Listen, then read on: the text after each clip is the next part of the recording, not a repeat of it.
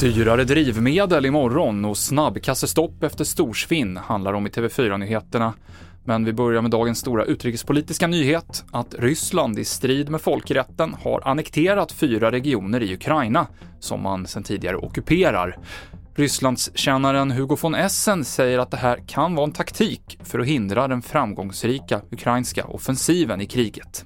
Putin tryckte på att han nu hoppas att Ukraina är redo för förhandlingar. Så det tyder ju ändå på delvis varför man gjorde den här annekteringen. Att Putin och den högsta ledningen i Ryssland hoppas nu att man ska kunna frysa läget, att Ukraina inte ska våga fortsätta med sin motoffensiv eh, och att man nu genom det här ska kunna tvinga Ukraina till, till förhandlingsbordet och tvinga Ukraina till kompromisser.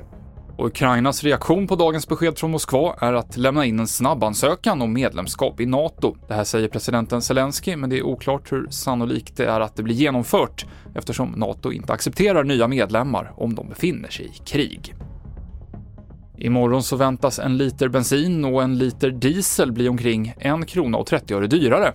Då upphör nämligen den tillfälliga sänkningen av energiskatten som har gällt sedan maj. Med skattehöjningen kommer priserna att ligga på strax under 21 kronor för bensin och strax under 26 för diesel om det inte sker några andra förändringar.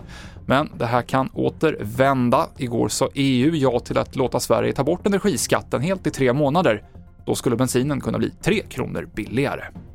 Och allt fler har börjat fuska med skanningen vid snabbkassor, något som resulterat i att ett antal ICA Maxi-butiker i Västra Götaland tagit bort snabbutcheckningsfunktionen för att få svinnet att minska. Vi eh, hade väldigt mycket bedrägeriförsök eh, där man skannar ett fåtal varor och sen försöker få med dyrare kapitalvaror till exempel som tv-apparater och annat. Det är ju ett enormt svinn. Det rör sig om eh, ganska ansenliga belopp.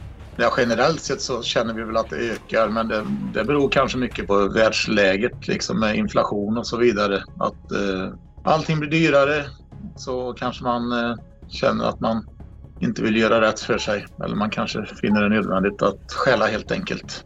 Thomas Köllner, butikschef på ICA Maxi i Skövde. Och det avslutar TV4-nyheterna. Jag heter Mikael Klintevall.